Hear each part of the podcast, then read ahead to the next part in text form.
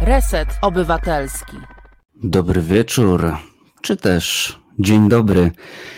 Kolejny 30 już pierwszy odcinek programu Nieco Jaśniej w Resecie Obywatelskim.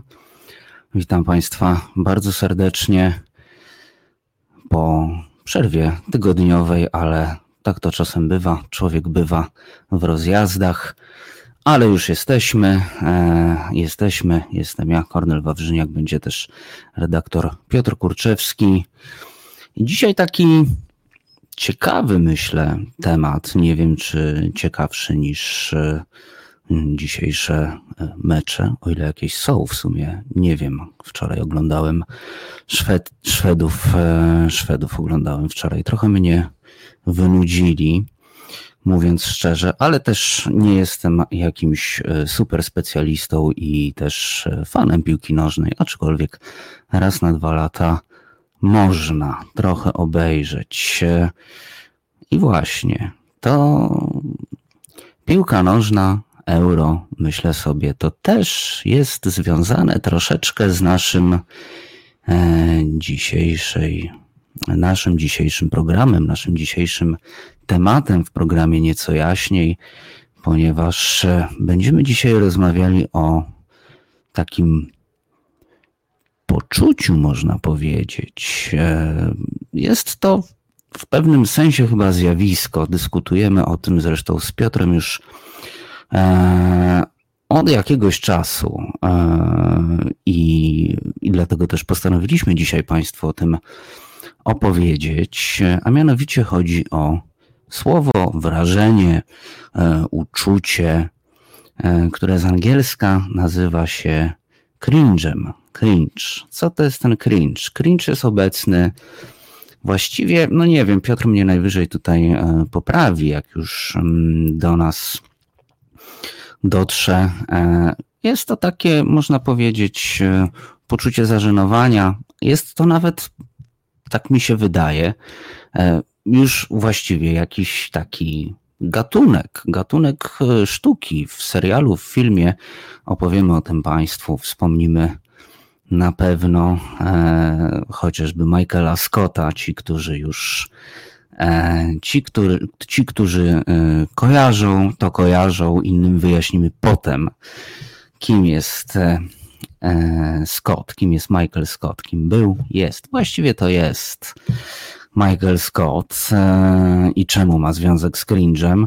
No i właśnie, Euro 2020, bo trochę klucze, Euro 2020 w 2021 roku jest nasza reprezentacja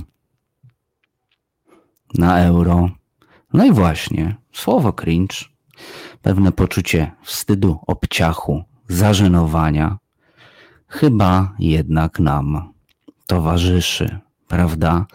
No właśnie, ale nie tylko o piłce nożnej, w sumie o niej najmniej trochę tak tytułem wstępów tych wszystkich, e, jakby to powiedzieć, piłkarskich emocjach. E, mamy na czacie, pojawił się inkwizytor Robsonak, czyli jedna trzecia szatana, ale pojawiła się też Anna 333, czyli połówka szatana. Witamy Was bardzo serdecznie, witam też pana Grzegorza, Martina, Andrzeja witam, jest Jola, Ludwinia, Marek. E, I tak, e, witam Was wszystkich bardzo serdecznie. Grzegorz już pisze, że była, była żenada, prawda? Było poczucie wstydu i obciachu. No i cóż, to jest jakiś taki punkt wyjścia też z tym cringe'em, E, no bo jak przystało na program Nieco Jaśniej, w którym lubimy również porozmawiać o filmie, serialu, e, literaturze, która opowiada o rzeczywistości, która ją rozjaśnia, odwzorowuje pewne sytuacje po prostu, które nas otaczają. E, no właśnie, jeśli założymy, weźmiemy sobie mm, taką formatkę a propos kultury sztuki, że jest ona jakimś odwzorowaniem, jest jakimś takim no, odpowiedzią na to, co nas otacza, to popularność cringe'u w ostatnim czasie może też skłaniać do takiej głębszej refleksji, do takiego, można mm, powiedzieć, można zadać sobie takie pytanie. O, można zadać sobie pytanie a propos tego, czy my mamy jeszcze jako społeczeństwo, nie tylko zresztą polskie, chociaż o polskim e, dosyć mocno tutaj myślę, ale czy my mamy jeszcze jakieś takie poczucie takiej granicy? E, no nie wiem, powiem tak, e, to tak takim, takim moralitetem pojadę, ale czy, czy my mamy jeszcze jakieś poczucie jako społeczeństwo przyzwoitości? Nie chodzi o to, że wszyscy robią jakieś dziwne rzeczy na ulicach, że ulice płoną, ale chodzi mi raczej o takie poczucie zażenowania, a propos właśnie tego, jak krzyczymy Polska gola, e, która mistrzem świata już za 4 lata, od tylu to już lat. E, ale myślę też o politykach. Myślę o tym, że wiele rzeczy nas nie dziwi, tworzymy z nich memy, wyśmiewamy. Tymczasem, gdybyśmy popatrzyli na podobne sytuacje za granicą, o tym też z Piotrem powiemy, więc nie będę odkrywał wszystkich kart na wstępie.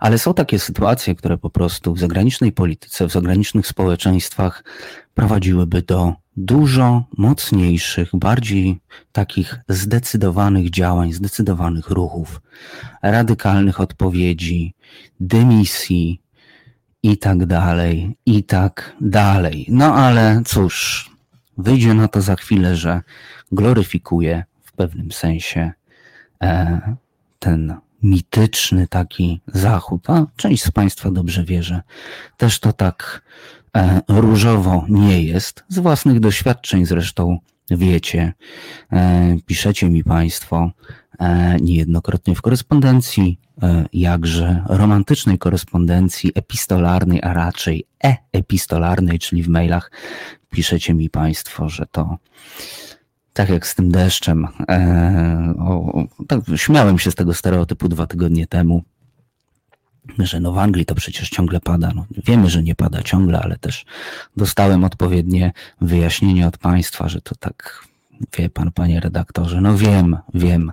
Także kajam się jeszcze raz, e, ale to myślę, że taki niewinny stereotyp, więc jakoś tam e, jakoś tam e, wybrnęliśmy, jakoś mi Państwo e, wybaczycie. Inkwizytor pisze, populiści i hamstwo oraz pseudoegalitaryzm skutecznie wypleniły poczucie wstydu.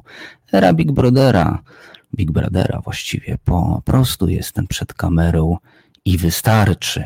No teraz, inkwizytorze, poddałeś w wątpliwość, trochę podkopałeś moje tutaj takie poczucie pewności, bo ja też tak jakby siedzę przed kamerą i to jeszcze komputerową i właśnie Wystarczy czy nie wystarczy? Mam nadzieję, że e, sprostam e, Państwa wymaganiom merytorycznym w ten środowy wieczór, bądź w każdym innym dniu tygodnia, jeśli słuchacie tego z podcastów. E, no i cóż, będziemy za chwilę rozmawiać właśnie z Piotrem Kurczewskim, redaktorem Piotrem Kurczewskim, który, jak dobrze Państwo wiecie z poprzednich odcinków nieco jaśniej, zna się na rzeczy, zna się na filmie, zna się na serialu.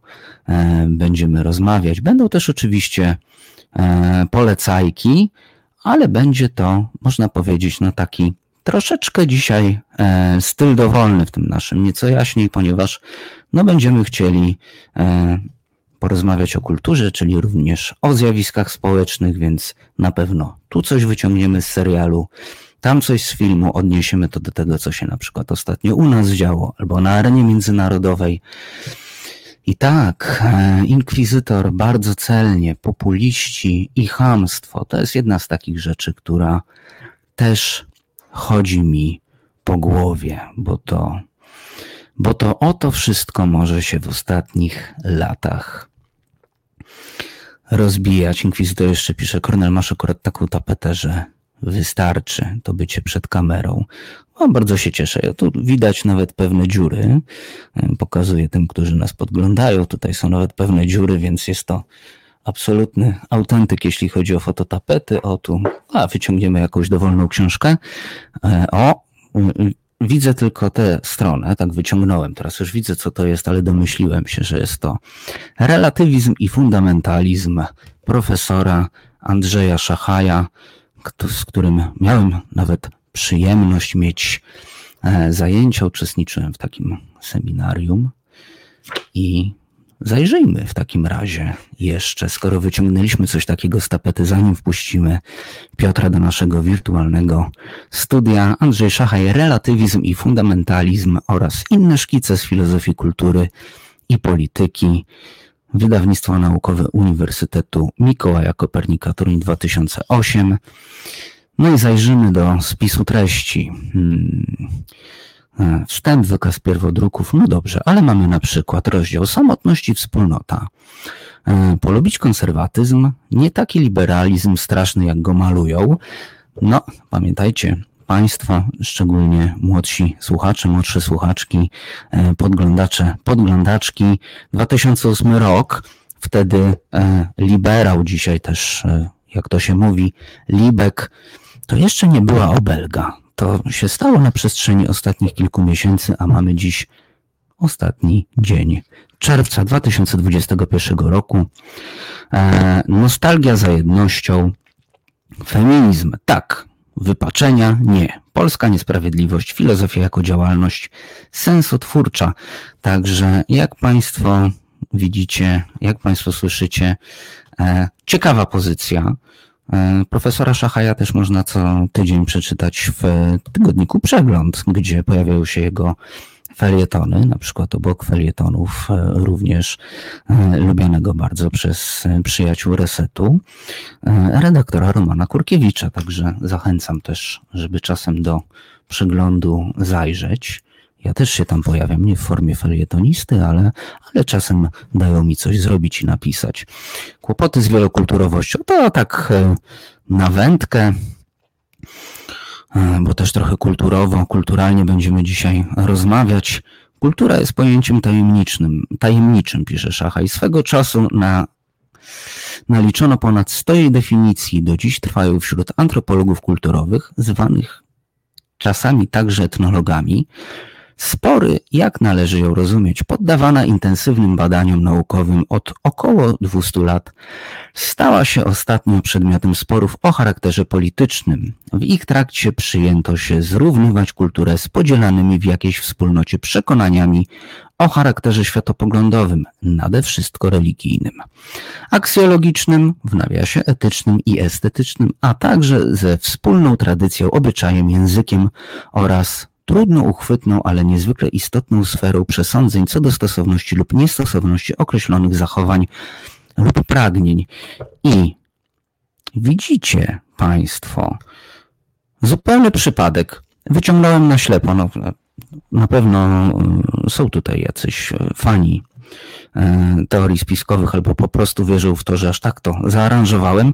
No, po prostu trafiłem. Po prostu trafiłem. Może zagrało tutaj E, zagrał tutaj zakres zainteresowań, że akurat zawsze ta półka e, w tym takim zakresie zainteresowań, którym się z Państwem dzielę, że jest to, jest to taka e, półka zawsze pod ręką, ale tu już się pojawia bardzo ciekawy wątek właśnie mm, w rozdziale Kłopoty z wielokulturowością profesora Szachaja w relatywizmie i fundamentalizmie, a mianowicie właśnie ten moment, kiedy zaczęto pewne rzeczy bardzo mocno wiązać e, z polityką e, w kulturze, e, z no takim właśnie odwzorowywaniem.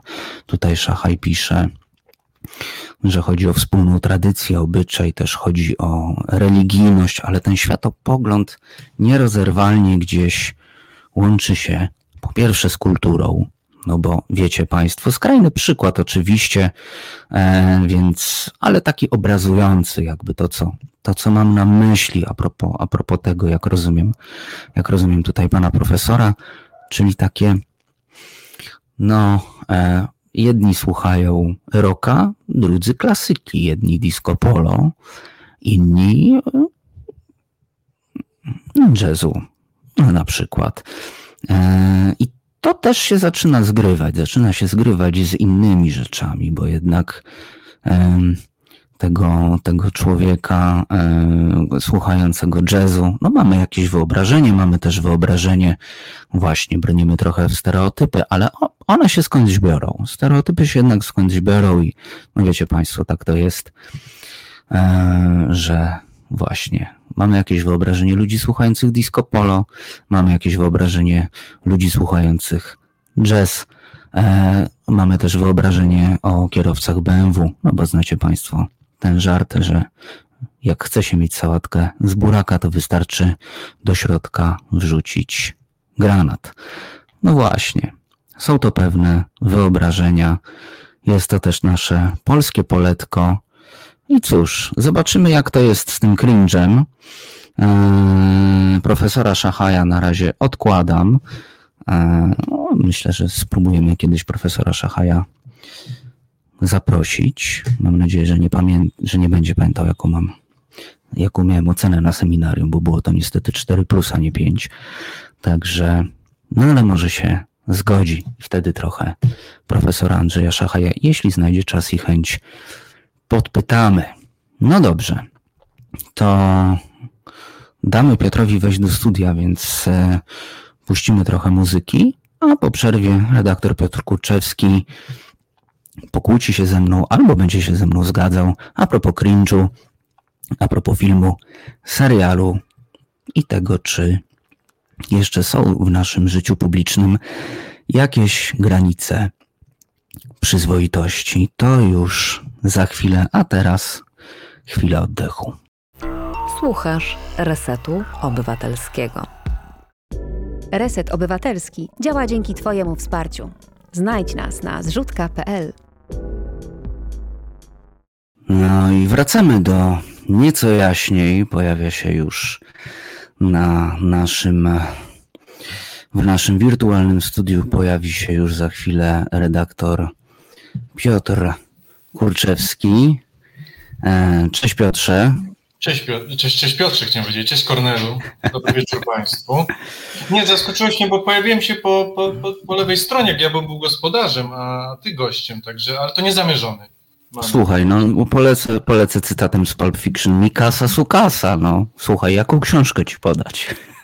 Słuchaj, no ja specjalnie występuję na tle jakby innej, innej, innej meblościanki, ale mi się wydaje, następnym razem może dam komputer do innego pokoju i będziemy wtedy mogli sobie przekazywać książki z regału na regał. Słuchaj, no już mieliśmy taką sytuację, jak był u nas Przemek Witkowski, któregoś razu to siedział na tle identycznego mebla z książkami i ludzie mówili, że nie dość, że siedzimy w, pewnie w tym samym pomieszczeniu i ściemniamy, to, to jeszcze jak dwaj bracia. No ale to kwestia, wiesz, fryzury.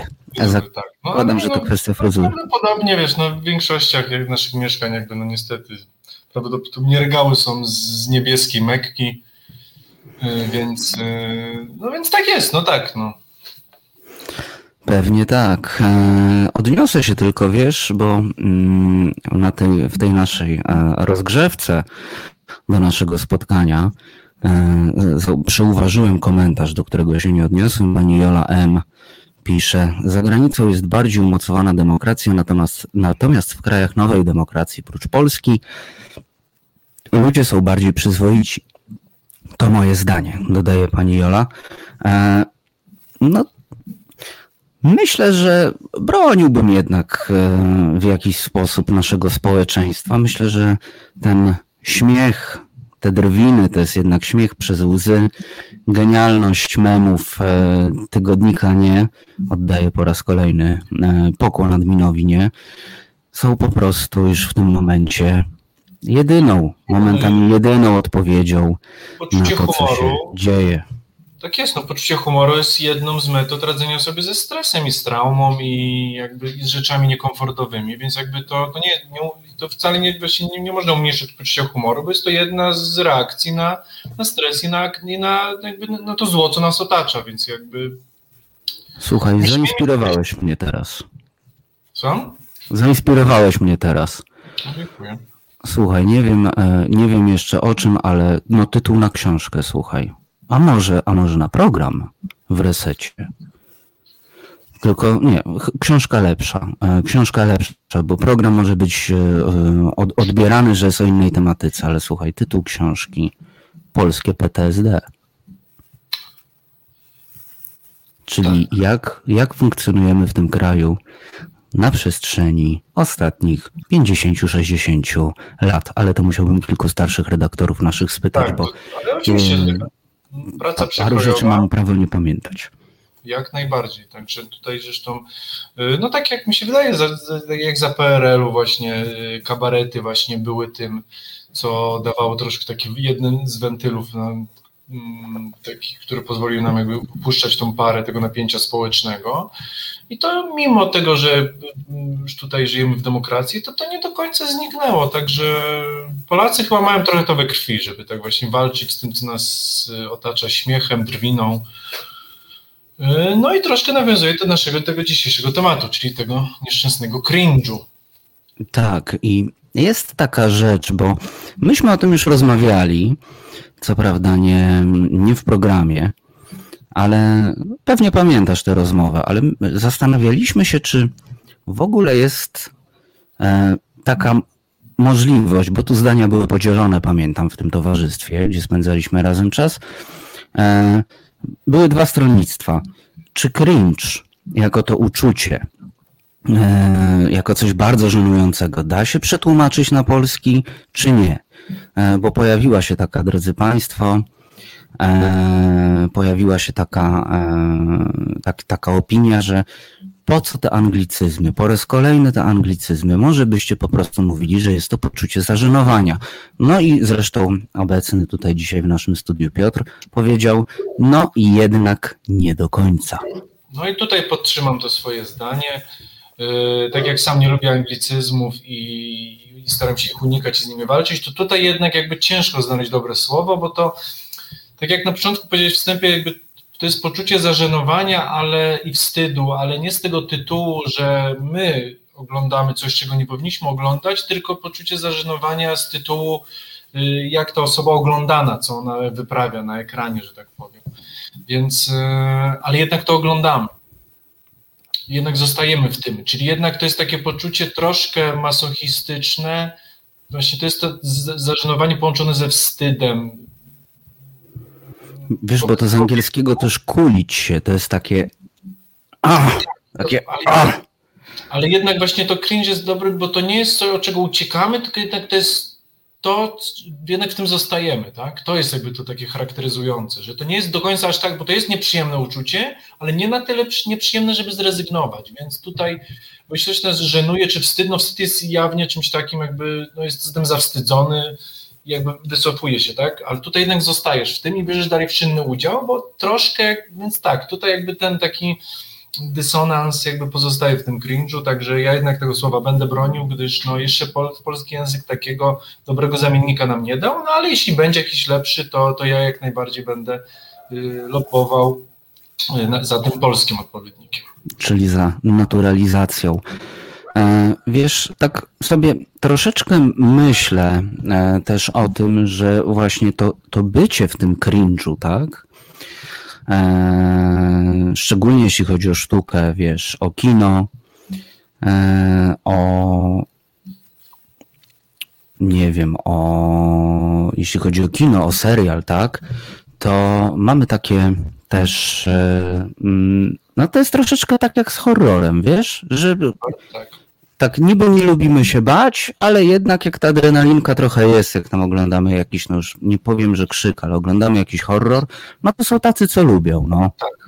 No bo jest to jakaś forma właśnie kontroli adrenaliny, właśnie jakieś takie ucieczki emocjonalne i tak samo jest z cringe'em, także tam jest to bardziej strach, a tutaj jest poczucie takie kontrolowane, bo tam jest ten, ważny w horrorach jest ten strach, musi być kontrolowany, tak? Wtedy ma, wtedy ma to znaczenie i wtedy to my jesteśmy panami tej sytuacji. Mimo, że się boimy, albo boimy się tylko trochę. No i zawsze można wcisnąć e, pauzę, o ile jest się, że tak powiem, tak w kinie pandemicznym, czyli domowym. Tak, a cringe właśnie tutaj jest yy, dokładnie tym kontrolowanym poczuciem wstydu i zażenowania. To słowo kontrolowane jest tutaj jakby tutaj kluczowe, także tutaj już ta definicja, spunktowaliśmy ją bardziej. Ja mam, ja mam nawet takie wrażenie, wiesz, że y, a propos horroru w ogóle, że, że były takie, y, że są i były takie cringe'owe dosyć y, horrory. I myślę tutaj już o którejś wersji krzyku na przykład, że to, to było, to momentami zahaczało już o żenadę. Wiesz, ja pamiętam, że na trzeciej albo czwartej części krzyku byłem, e, który poniekąd jest klasykiem, e, byłem, e, byłem w kinie z kolegą. Myśmy mieli jakieś takie mm, bardzo, bardzo dziwne rzeczy obserwowaliśmy. Na przykład ile razy skadrowano kobiecy biust bez twarzy, bo to jest symptomatyczne dla tej serii i różne takie rzeczy. No, no, i w pewnym momencie nas w ogóle wyproszono z kina, bo żeśmy się tak chichrali, że psuliśmy niektórym zabawę. No bo nie było to już dla nas e, po prostu straszne. Ale ta, ty bardzo dobrze powiedziałeś. Oczywiście to, mm, horror jak najbardziej może być cringe'owy, gdyż też jakby pod cringe podchodzi też takie poczucie zmieszania, yy, pomieszania właśnie strasznego ze śmiesznym, coś jest, powinno być poważne, jest śmieszne, coś powinno być śmieszne, jest y, sztucznie poważne i to też bardzo często jest taką y, oznaką cringe'u, więc tutaj y, seria Krzyk, czy właśnie takie horrory, które są na siłę, z, starają się być zbyt straszne, a są po prostu śmieszne, jak najbardziej, y, jak najbardziej podpadają pod y, to zjawisko cringe'u. Wiesz, na przykład y, potem obśmiewanie krzyku i innych horrorów, czyli straszne filmy, no to już jest w ogóle cringe. Bo to, nie, bo to, tak, bo to, jest, to jest nieśmieszne. To jest po prostu nieśmieszne, przynajmniej moim zdaniem. Jest to tak nieśmieszne, że siedzisz i myślisz sobie, o cholera, czemu ja to włączyłem przy matce? No ale brniemy w to obydwoje, siedzimy, nie patrzymy na siebie, gapimy się na ten ekran i, i mamy pewnie takie same wrażenia. No przecież nie, nie powiem, nie wymięknę teraz. Tak, no to tak, to jest, to jest też symptomatyczne, no ale to prawda, ta seria jest, nie jest dość udana, chyba nigdy nie miała aspiracji, żeby być czymś więcej niż tylko y, tanią, y, tanim taką y, pastiszem, więc jakby jako tutaj jako pastisz się sprawdził. No to jest tak, no to jest raczej poziom, poziom raczej humoru taki dość, dość niższy po prostu, no głupkowaty, ale no... Tak, dla mnie to jest, wiesz... Nie mam problemu z filmami, które są jak, jakby seria na przykład y, Naga Broń, której kiedyś byłem fanem, teraz już będę się ciężej, bo po prostu są te żarty są czasem głupie. Ale Siermiężne są potwornie, też myślałem o, o Nagiej Broni, tak. Ale te filmy nigdy nie skierowały do niczego więcej niż byciem po prostu głupkowatą parodią są głupkowatą parodią, jeśli nie udają mi tego, czym nie są, to ja nie mam z tym problemu. Martin pisze, Army of Darkness sama e, Raimiego, klasyczny cringe. Ja niestety nie widziałem, nie wiem jak ty. Tak, to jest, y, znaczy też pytanie, znaczy właśnie tutaj też y, y, tutaj się zgodzę z Martinem, tylko pytanie, czy Army of Darkness mi się wydaje, że od początku było cringe'owe, czy my z perspektywy tam 20-30 lat oglądamy właśnie horrory, takie horrory akcji z lat 80. i to dla nas już jest cringe. Ale czy wtedy był cringe? Właśnie mówię, to też jest y, też jest pytanie. No ale dzisiaj na pewno, dzisiaj na pewno to jest cringe'owe. Y, no i ta naga broń, widzę, że naga broń ma odzew na naszym czacie. E, Inkwizytor pisze, że dłużyzna straszna. E, no, teraz się to ogląda naprawdę, no to jest już siermiężny żart, chociaż akurat y, wystąpienie Enrico Palazzo śpiewającego hymn. Enrico Palazzo to jest, y, y, tak, to jest dla mnie, tam jest kilka gagów, które są świetne.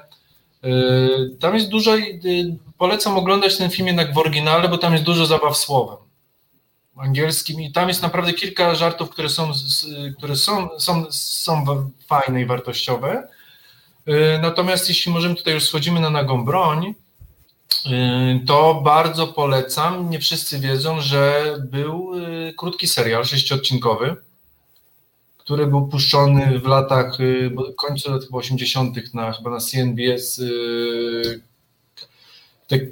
Pilot tylko właśnie cztery, sześciodcinkowy nie udało, nie, nie, nie zyskał popularności, ale na podstawie później tego był film i tam wszystkie te dobre żarty z filmu są w tym serialu. Jest, jest bardziej niskobudżetowy, ale jest tak samo śmieszny, więc jakby już bez tego takiego hollywoodzkiego czasem e, no bez tego cringe'u właśnie, także jest bardziej śmieszny, więc jeśli ktoś lubi Nagą Broń, to tym bardziej polecałbym ten serial, nazywa się Police Squad. Nie ma polskiego tytułu, bo gdyż w Polsce jakby nigdy nie był dostępny, ale jeśli ktoś sobie wrzuci tam prequel Nagiej Broni, to mi się wydaje, że w internecie na pewno, na pewno to znajdzie. No teraz mamy Brooklyn 99 z Oj, tak. takich. Ale Pani To- Olgo, tak. to już nie jest taki cringe. Eurowizja to jest cringe. Oczywiście, że tak. To jest zabawa tą formą. Coś, co powinno być zabawne, jest straszne, coś powinno być straszne, śmieszne, coś powinno być właśnie takie yy, zmysłowe, seksowne, właśnie jest obciachowe, coś obciachowe, zbyt seksowne. Yy, tak, ewidentnie, Eurowizja jest kwintesencją cringe'u. Ta yy, muzyka kwintesencją. ja w tym Wszystko. roku po raz pierwszy y, przez swoich znajomych byłem zaproszony na, na oglądanie Eurowizji od półfinałów. Y, No było to wyzwanie. Było to wyzwanie. y, Nie no, stary, nie zazdroszczę, naprawdę nie zazdroszczę. Tak przeżywam cringe, proszę Państwa, ci, którzy nas podglądają. Tak. Tutaj y, z panem Markiem, z panem Markiem się zgodzę. No tutaj tak, tu z panem się zgodzę. Ja po prostu mam do Nagie broni sentyment, no ale tego film jest ciężko bronić. Y, Leslie Nielsen jest dobry, dlatego jeśli panu, jeśli w tej serii tego podoba się panu Leslie Nielsen, to polecam Police Squad. Tam jest go więcej, ma, nie jest tak żenujący i, i, to, i jest do oglądania. Także No Naga Broń ma jeszcze, ma jeszcze jeden ciężar za sobą, a mianowicie pomocnikiem le, le, postaci granej przez Leslie, Leslie Nielsena jest e, może Simpson. O.J. Simpson, dokładnie tak, także no cóż. Znaczy, ja żeby skończyć temat na Broni, kiedy jest taka scena, kiedy porucznik y, Frank Drebin y, przeszukuje jakąś kwaterę złego bohatera w poszukiwaniu dokumentów, otwiera szafkę i mówi to zna- bingo. I wyjmuje oczywiście zamiast pliku dokumentów tylko planszę Bingo. do bingo. No i, i dla mnie, ja, ja powiem tak, jak się mówi w memach, mnie śmieszy. Yy, Ale tak, no to, to, to nie jest dobre kino, ale może być, ale to bardzo dobry przykład na cringe, bo cringe nie musi być dobry, cringe ma wywoływać to poczucie żen- żenady i trochę uśmiechu i Naga Broń spełnia tą funkcję. To znaczy myślę, że idziemy w dobrą stronę, bo e, wiesz, są rzeczy, które się po prostu źle zestarzały i teraz patrzymy na to jak na cringe, a z drugiej strony powstały po prostu rzeczy, które mają być cringe'owe w swoim założeniu. E, jeszcze tylko przeczytam, Inkwizytor pisze, jak człowiek trochę podrósł, to i wszystkie filmy z Sylwestrem Stallone są niezłą beką, choć nie wiem czy cringe, czy cringe'em. No właśnie, jest tu, e, jest tu w tym jakieś ziarno prawdy też, to co przed chwilą właśnie powiedziałem. E, No pewne rzeczy się zestarzały źle, chociaż jestem ciekaw, to mi Państwo napiszcie na czacie, bo jestem ciekaw. My się na razie Piotrze nie zdradzajmy. E, Co Państwo myślicie o tym, jak zestarzały się dwa klasyki kina akcji, takiego policyjnego kina akcji, czyli Zabójcza broń i oczywiście Szklana pułapka.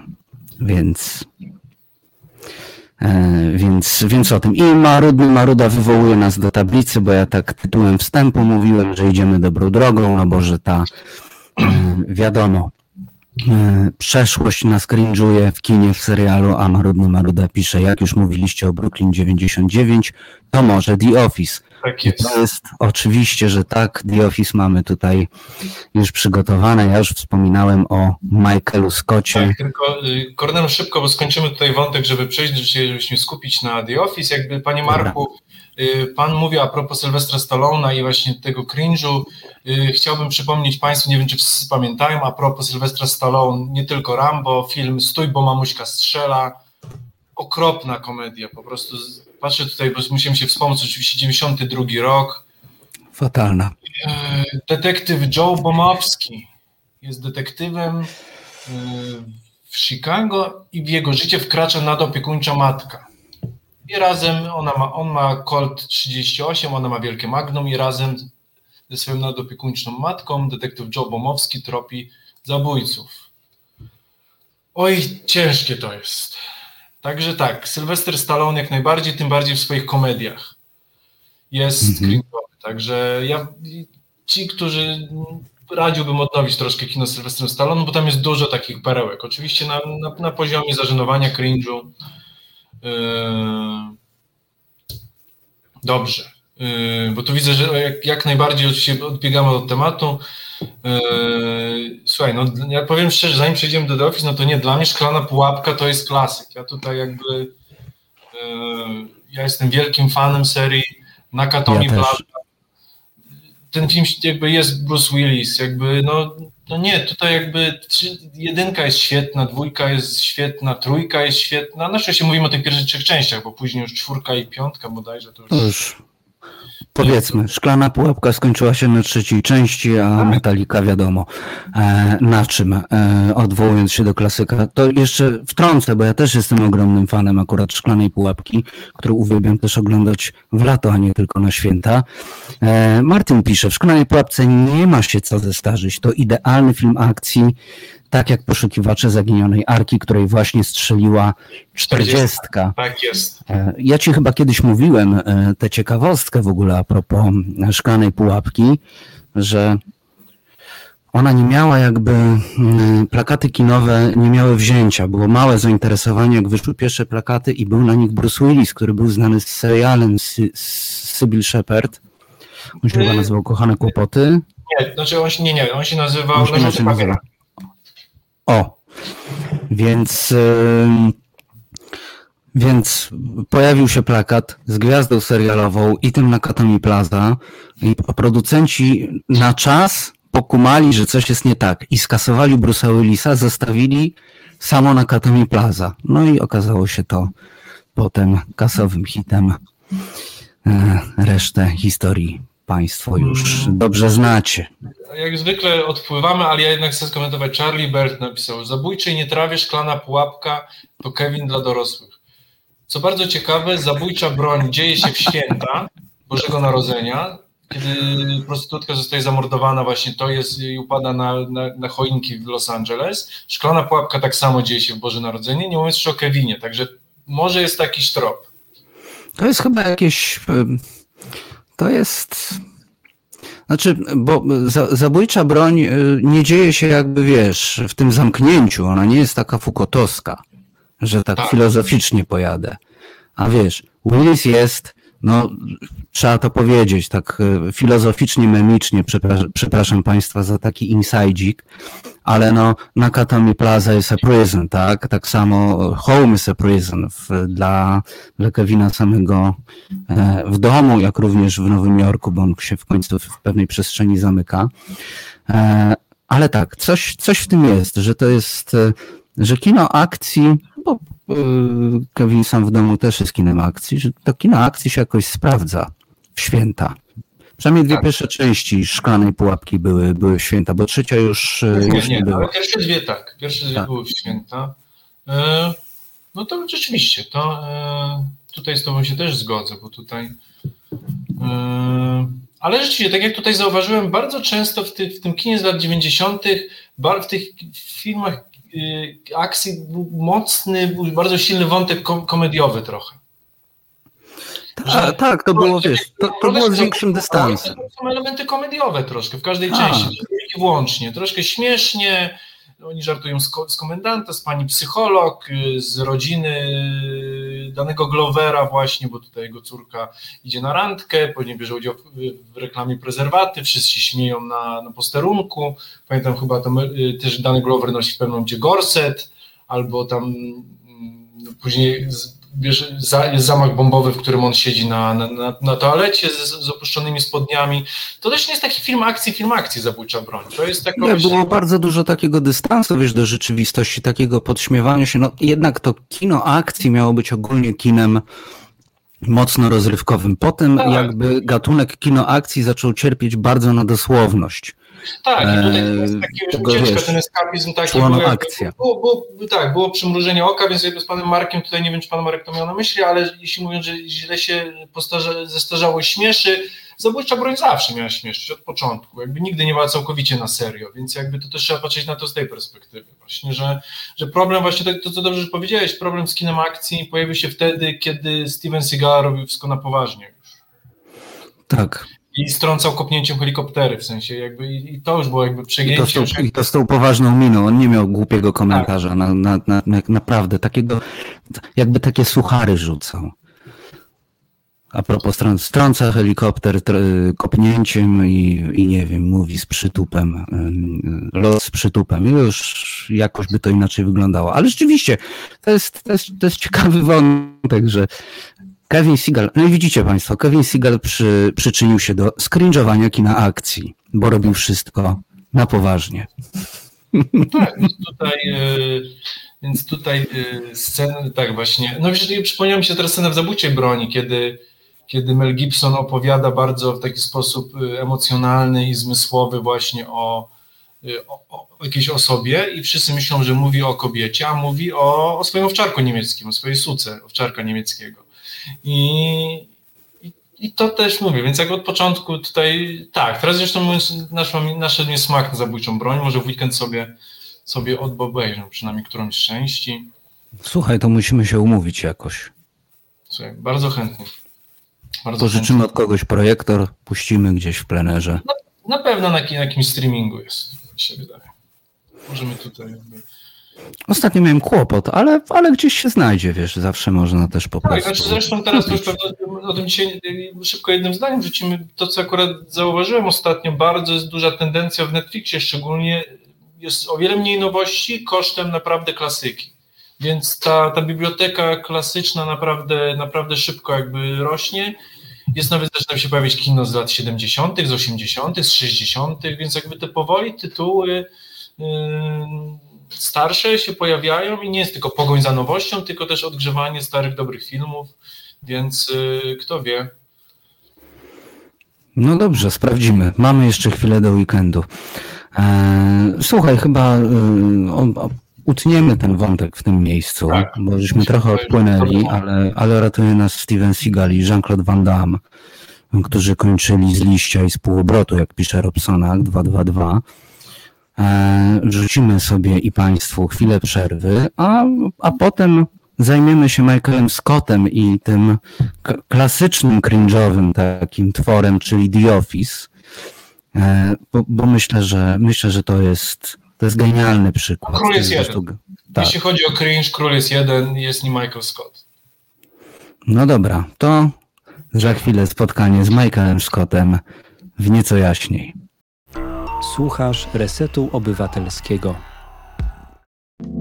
Znudzeni mainstreamowymi newsami? Czas na Reset Obywatelski. Zaangażowane dziennikarstwo. I wracamy do nieco jaśniej 31 odcinek e, programu. Naszym dzisiejszym gościem jest redaktor Piotr Kurczewski i ja nazywam się Kornel Wawrzyniak. I wracamy do rozmów o cringe'u, o cringe'u w sztuce. Ustaliliśmy już, że tego zjawiska, tego uczucia, no nie da się właściwie przetłumaczyć, bo jest ono na tyle swoiste, takie samo w sobie, e, interesujące, ciekawe, że no nie ma dobrego słowa w polskim, ale też e, Piotrze, zadeklarowałeś, że jeśli takie słowo znajdziemy, to będziesz ambasadorem tego tak. e, słowa po polsku.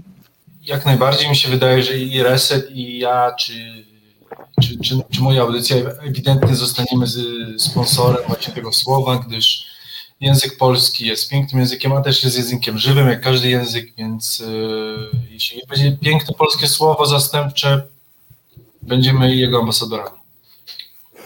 Dobrze, ja się też pod tym podpisuję, więc no dobrze. I nie da się ukryć, że jeśli chodzi o takie kulturowe twory cringe'owe, e, które już zostały zrobione specjalnie, a nie źle się zestarzały, a nawet starzeją się dobrze, no to mistrzostwem jest serial The Office, wspomniany już Michael Scott, który jest po prostu królem cringe'u, jest to postać fikcyjna, e, grana przez Steve'a Carella. E, no, była jeszcze też brytyjska wersja, e, ale ona miała tylko dwie części. Ona też jest mocno cringe'owa, bo ogólnie Ricky Gervais, który tam napisał e, The Office, też współtworzył The Office amerykańskie. Tak, on, on wiesz, napisał scenariusz do ponad 200 odcinków z amerykańskiego, także ten jakby tutaj jakby pełen hołd dla Rickiego Gervaisa, bo jakby, no, ten twór jakby cringe'owy też jest jego mocną zasługą, gdyż właśnie to on te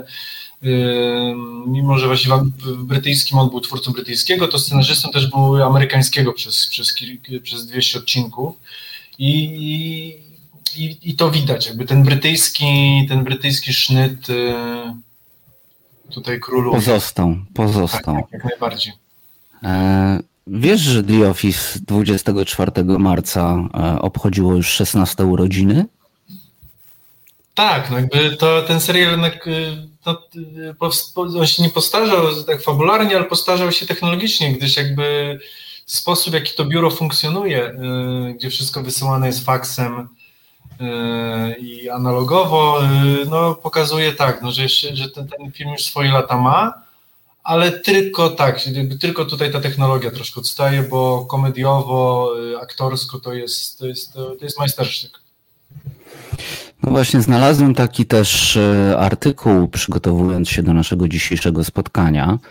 E, możecie Państwo na noise.pl, noise.pl możecie Państwo przeczytać. No, wygooglacie sobie e, w to wierzę The Office noise.pl. Właśnie tutaj autorzy tekstu rozpływają się nad tym, że jest to w ogóle serial komediowy wszechczasów. Może wszyscy tęsknią za Michaelem Scottem, E, tak możemy przeczytać w lidzie. No ale, no ale właśnie, to o co chodzi w The Office e, dla tych, którzy nie widzieli? Tak, The Office to jest e, serial komediowy mm, w formie udający, czyli to jest paradokument. No taki paradokument, mock dokument, no. To jest, tak, to jest paradokument. Y, zamysł jest taki, że do fikcyjnej firmy Dunder Mifflin, która zajmuje się handlem papierem, przychodzi ekipa filmowa i, i kręci yy, codzienne życie pracowników biura. Yy, biura. Tak, no główną postacią tutaj jest szef yy, tego biura, Michael J. Scott. Yy, Michael J. Scott, jakby no tutaj musimy zaświetlić tą postać, gdyż jakby ona jest tutaj kluczowa. Jakby no, jest to. Yy, Michael jest yy, człowiekiem, który bardzo chce być lubiany, bardzo chce być szanowany. Bardzo chce być szanowany i bardzo chce być. Znaczy, tak, i bardzo chce być, być, chce mieć wielu przyjaciół, a wynika to z tego, że tak naprawdę w środku jest y, nieszczęśliwym, zakompleksionym, y, no, y, zranionym człowiekiem. To jest osoba, która bardzo pragnie ciepła, uczucia, bliskości z drugim człowiekiem i zrobi wszystko, żeby tą, te emocje, tą bliskość, tą sympatię zyskać. Przekroczy wszelkie granice śmieszności, uporu, i to jest właśnie śmieszne, bo to, bo to może być w złym kontekście, a w dobrym kontekście, tutaj jest takim komediowym właśnie. On zrobi wszystko, żeby dojść do celu, będzie kłamał, oszukiwał, wkopywał się w coraz większe kłopoty, tylko po to, żeby, żeby się przypodobać swoim e, współpracownikom. I to jest właśnie ten cringe, że kiedy patrzy się na, jakby na, na, na scenariusz i myśli, że już nie, on musi przestać po prostu, bo dalej będzie tylko gorzej, i, I krzyczysz do niego, przestań, już, już, przestań. nie, już zabrnąłeś za daleko, idziesz w złą stronę, facet, nie. Tak, on kłamie i kłamie i do końca i pogrąża się z każdym słowem. I to jest, y, tak, to jest jakiś taki y, moment kluczowy dla tego, znaczy nie kluczowy, tylko taki mm, typowy dla tego serialu, że w momencie, kiedy już wiesz, że powinieneś przestać i on patrzy się w kamerę i idzie ten krok dalej, a my idziemy razem z nim. I to jest, to jest genialna definicja cringe'u, że my idziemy za tą postacią dalej, żeby dalej się kulić, żeby nas właśnie skręcało, żebyśmy zgrzytali zębami. Bo zaczyna nas ciekawić, do jakich granic absurdu, również zaczyna nas ciekawić, do jakich granic absurdu to wszystko wreszcie doprowadzi. Kiedy to się. Bo to też jest tak, The Office jest y, właśnie y, to, jak Michael Scott, y, jak główny bohater Michael Scott idzie, brnie, zaczyna nas po prostu ciekawić, bo w pewnym momencie, no, zdaje mi się, jest to na tyle zaskakujące, że już każdy by wysiadł w takim, zdaje się, normalnym życiu, każdy by wysiadł. A tu się okazuje, że można naprawdę zabrnąć dalej. I przez to, że to jest w takiej formule właśnie mock dokumentu, tego parę dokumentu, e, czy tam e, soap, soap dokumentu, można sobie, e, można sobie zadać, e, zacząć zadawać pytania, czy, czy to naprawdę nie mogłoby się wydarzyć. No wiesz, dlatego ta, ta for, tak jak powiedziałeś, ta, y, ponieważ ja jestem pewien, że gdyby to byłby y, mm, taki z, zwykły, zwykły serial komediowy, y, wiesz, z- ze śmiechem w tle, z, z dokle, albo z- najpierw z doklejanym śmiechem po prostu z ofu y, i, sztucznymi dialogami, to to wiele by traciło. Tutaj właśnie ten cringe jest dlatego dobry, że my mamy uczucie realności, że, że to jest jakby podglądamy, tak, że my jesteśmy razem z tą ekipą podglądaczami zwykłego życia biurowego, że nie jest to grane, y, nie są to przyjaciele czy miodowe lata, kiedy grzecznie publiczność klaszcze i, i śmieje się w momentach, w których trzeba się śmiać, a buczy, w których powinna buczyć. Tylko tutaj jakby yy, mamy poczucie jakby podglądania tego właśnie za kotary, człowieka, który właśnie nie zna poczucia obciachu, czy, czy zrobi wszystko, żeby się przypodobać. I, I to jest jakby według mnie wielki, wielki, wiel- wielki plus tego serialu. Właśnie ta autentyczność, że i on jest tak świetnie zagrany, że ci aktorzy nie grają, tylko właśnie są tymi zwykłymi pracownikami biura i każdy, kto pracował w jakiejś firmie, odnajdzie siebie czy swoich współpracowników w którejś z tych archetypicznych postaci, bo oczywiście jest wredna księgowa, yy, ktoś wycofany, jakiś nieśmiały pracownik IT wszystkie te jakby te archetypiczne postaci, które sami znamy ze swoich miejsc pracy, tam możemy odnaleźć i piękno tego serialu polega na tym, że każdy siedzi, patrzy w ekran, mówi ha, ja tak miałem albo kogoś mam, on jest podobny do pana X czy pani Y i ciekawe jakby to u nas było. No tutaj padło takie pytanie. Ciekawe, jakby dziś wyglądał The Office przy pracy zdalnej, pisze Michał Dudek. E, I to, to, to mogłoby być ciekawe. Ale tak. oczywiście to mogłoby być ciekawe wyzwanie dla scenarzystów. Byłoby. No, cały czas jakby y, od wielu lat pojawia się motyw, żeby jak, w jakiejś formie The Office wrócił, gdyż Steve Carell no, teraz jest w pierwszej lidze Hollywood, jakby no to jest, y, jeśli chodzi o komediowych aktorów, jest to pierwsza jeśli piątka, dziesiątka aktorów w Hollywood jakby komediowych, więc tutaj spokojnie by to mógł podźwignąć i, i ten serial by zaskoczył. No właśnie pytanie... y, Bo wiesz, brytyjska wersja się doczekała e, filmu długometrażowego z przygodami. No, głównego Ricky bohatera. Gervais tak samo robi świetne seriale, świetny stand-up, jakby świetne scenariusze, też jakby, mówię, odniósł jakiś sukces w Hollywood, więc wiele zresztą z, wiele zresztą z, z postaci, tak jak tutaj, które zaczynało, to może tu Państwu, państwu powiemy, aktorzy, John Krasiński, y, tutaj właśnie, czyli teraz y, no, mm, mamy jeszcze, patrzę tutaj szybko, żeby znaleźć jedno z, Mindy Kaling, która właśnie w wielu komediach właśnie gra, Ed Helms, znany mniej więcej w Polsce z Cats Vegas, Craig Robinson z Brooklyn Nine-Nine, czy z wielu innych komediowych produkcji, także wielu tutaj aktorów jakby wybiło się, więc y, te, jeśli, był, jeśli byłby jakiś powrót do The Office, na pewno byłby hitem. Tutaj, tak jak Nawet y, Will Ferrell się pojawił, z tego co pamiętam. w jednym sezonie był jest szefem, tak, bo Michael Scott zniknął jakby na, na, na jakiś sezon czy dwa i wtedy Will Ferrell jak też był przez trochę szefem te, te, tego biura, ale to co chciałem powiedzieć, tak jak nie wiem czy widziałeś Friends Reunion, Widziałem. tak, no więc po, i tutaj jakby widać było, że akurat w, przy- w przypadku przyjaciół wiele, wiele gwiazd, y, no tutaj już jest jakby, mm, no to jest jakby łabędzi śpiew i troszkę już jest przebrzmiałych, tak. Y, Niektórzy się odnaleźli, ale jakby nikt, żaden z tych aktorów nie jest, y, no może nie, poza, poza Jennifer Aniston. Jennifer. Mhm. Poza Jennifer Aniston żaden z aktorów nie jest na wyższej pozycji niż był w, w szczytowej formie popularności serialu y, Przyjaciele. W The Office mamy także wiele osób właśnie jest teraz, y, robią naprawdę solidną markę y, i spokojnie mogliby sobie tutaj poradzić. Także ja byłbym, podpisywał się wszystkimi czterema kończynami pod takim, tak, ta, takim serialem, jeśli, jeśli by powstał. Sezonów jest 10, więc jest co oglądać. W Polsce dostępny jest na Prime. Mhm. Jeśli ktoś nie widział, polecam szczerze.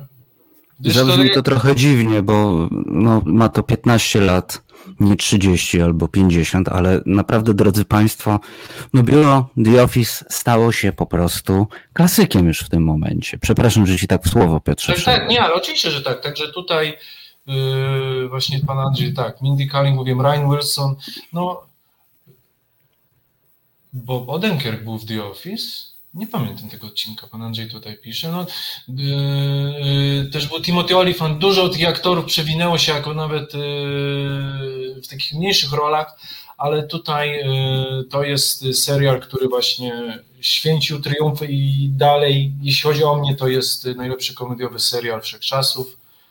Yy, będę tego bronił z każdym, tak, z każdym, kto chciałby tutaj ze mną się mierzyć na słowa, to bardzo chętnie podyskutuję. Może już nie dzisiaj, bo czas nas goni, ale w przyszłości niedalekiej na pewno e, na pewno chętnie porozmawiam. Pan Marek pisze sequel American Psycho z Milą Kunis. Założenie miało być thrillera, wyszedł bardziej green. No, nie widziałem tego filmu, ale problem z remake'ami czy z kontynuacjami, właśnie troszkę jakby tak mniej, e, często z, z mniejszym budżetem, czy e, realizowane przez gorszych reżyserów, czy jakby czy przez inne osoby niezwiązane z, z pierwszą częścią, bardzo często kończy się cringe'em. Tutaj jakby no i tak jak to mówiliśmy, to jest to wyjście, wyjście jakby złamanie tego schematu, tak? Czyli coś, co powinno być thrillerem i nas y, trzymać y, w napięciu, no powoduje kiepski żart czy, czy znudzenie właśnie to też, to też jest właśnie cringe'em, więc y, jak najbardziej. Nieudane sequele, bardzo, to jest też cringe, jak najbardziej. No, sequele, prequele, e, no wyszło to, wyszło to niewielu, wyszło to e, Quentinowi Tarantino, tylko on tak kręcił sequel i prequel, że e, film miał ten sam tytuł, był to Kill Bill, aczkolwiek jest to najmniej ulubiony z, przeze mnie film Tarantino ze wszystkich. No ale jestem z tej szkoły, gdzie, gdzie ja jestem na przykład dużym fanem Jackie Brown, a niektórzy nie rozumieją fenomenu tego filmu, więc tak, to e, można powiedzieć, że są takie. Tarantino, więc, więc jak najbardziej to jest, to mu się zgodzę. Znowu się zgadzamy, widzisz, to jest problem, że my nie możemy się nie zgadzać coś w tych naszych audycjach. Za każdym razem My nie, drodzy Państwo, naprawdę nie umawiamy się, jakby scenariusz jest naprawdę bardzo, prawie, jeśli nie zapisany, to bardzo szczątkowo i wychodzi na to, że zobacz, szklana pułapka, tak, The Office tak. E, no, ze wszystkim się tutaj zgadzamy, także ciężko, ciężko nam się tutaj nie zgadzać, ale może też jest jakiś urok, także nie kłóćmy się na siłę. E, też e, co chciałbym, co chciałbym założyć, tak jak teraz mi się przypomniałeś, nie wiem, żebyśmy zdążyli powiedzieć, z cringe'em też, bo problem jest ze złymi filmami, bo zły film, czy może być cringe'owy, ciężko powiedzieć właśnie, właśnie no oczywiście pytanie, czym jest zły film, ale właśnie, bo bardzo często jest tak, że jeśli zły film jakby jest y, albo małobudżetowy, albo właśnie kiepsko zagrany, to jakby tutaj to nie łamie stereotypu, tak? Bo powiedziałem, cringe jest mm -hmm. wtedy, kiedy jest to złamanie tej konwencji, czyli coś zaspiruje, że jest dobrym kinem, a jest złym, ale taki, y, dlatego na przykład jakiś tam Godzilla 35, no nie jest cringe'em, bo po prostu, bo nie aspiruje do bycia czymś więcej niż 35 Godzillą i tutaj pomyślałem, to też jest temat do dłuższej rozmowy, ale już nie dzisiaj, no jest y, film The Room. Jest. Bo bardzo ciężko obejrzeć film, który jest wysokobudżetowy, a jest tak zły, tak źle zrobiony, bo tutaj też jakby cringe też jakby, nie mówimy tutaj o fabule, ale o samej realizacji, tak, jakby coś, co, y, co montażowo, dźwiękowo, jest po prostu i rzadko jest tak, że mimo wszystko, nawet jeśli y, film w Hollywood ma kiepski scenariusz, jest kiepsko zagrany, to jednak ta machina y, producencka no, nie schodzi poniżej jakiegoś poziomu. Nie na darmo mówi się jednak produkcje filmowe. Tak jest. Na filmy. Jest produkcja filmowa, więc poniżej jakiegoś poziomu nie zejdzie. A film The Room, no też już kultowy w wielu kręgach, no właśnie jest y, z Tomim Zissou jest takim y, jest takim, jest takim przykładem. Tutaj Robsonak 222 pisze, czy twórczość Tima Bartona jest dla was uważana za cringe? Jeśli chodzi o mnie, to ja tak nie uważam. I Broń Boże. Pan Marek też się zdecydowanie zgadza, że nie jest ona cringe'em i podpisuje się pod tym, co pan Marek napisał. Barton to magia kina w czystej postaci. Pięknie się starzeje i za każdym razem dobrze się ogląda. Mój faworyt to Powrót Batmana. Seria z Batmanem jest ciekawa. E, To też by był... e, mm, to był taki, e, jak wyszły filmy Nolana o Batmanie, to też była duża dyskusja, że no fajniej, bo tak mroczniej, tak właśnie trochę bardziej dosłownie, e, że Batman się przesiadł do czołgosuwa, e, a nie, i że to wszystko takie się zrobiło bardziej prawdopodobne. Ale to też cała magia na tym polega, że to był jednak spektakl wyobraźni i jednak e, właśnie Batman, powrót Batmana były wzorowane na, na komiksie, więc one nie, nie musiały być dosłowne.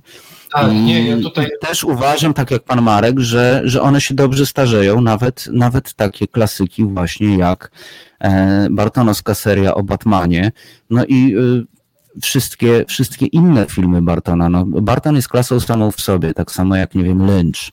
To jest po prostu wiesz, pewna, to, to po prostu wchodzimy w głowę, w głowę artysty, dlatego to się też tak dobrze starzeje, mam wrażenie. Dlatego Barton ma, e, Barton ma pewną spójną wizję również estetyczną. Po prostu. Jako, jako po prostu artysta. Tego Tak zresztą jest. też łączy z Lynchem. Przepraszam, że trochę Nie, odbiegam, no ale dobrze, myślę, nie, że to jest warte poruszenia. To, ja chcę powiedzieć, więc, więc, więc dobrze, że znowu się zgadzamy. Jak najbardziej, no, Barton jest artystą i, i tutaj jakby to jest kino w takiej w najlepszej formie, którą ja lubię w takim, w takim hołdzie dla wyobraźni, dla sztuki, dla, dla formy. Y, no, dla mnie Edward Nożycoręki to jest y, tak piękny film, taka baśń, taka opowieść właśnie, która może ocierać się właśnie dla niektórych o ten cringe, ale właśnie dla mnie nie. Dla mnie to jest właśnie sztuka, to jest y, zabawa konwencją, właśnie tutaj ten rozmach, ta wyobraźnia po prostu. Tutaj yy, No to jest ten spektakl wyobraźni, wiesz, no Edward Nożycoręki to jest po prostu wspaniała bajka. tak, to jest piękna bajka, tak jak mówię. Pan Andrzej Mruczkowski, yy, Patryk Wega, nie. I właśnie tutaj, panie Andrzeju, właśnie nie, bo y, cringe jest tym zażenowany, chyba że dla pana. Dla mnie niestety Patryk Wega nie, bo dla mnie Patryk Węga jest tylko żenujący. To Ja nie może Ja tu właśnie wchodzimy, I dla mnie on jest po prostu słaby, jest wulgarny.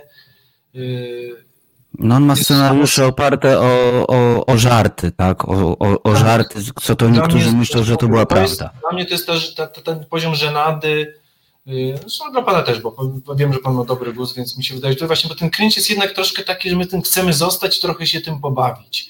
Że jednak Tak, to jest, to jest właśnie to- specyficzne. Tak, więc tutaj nie, dla mnie Patryk Wega nie, to jest po prostu, to jest żenada.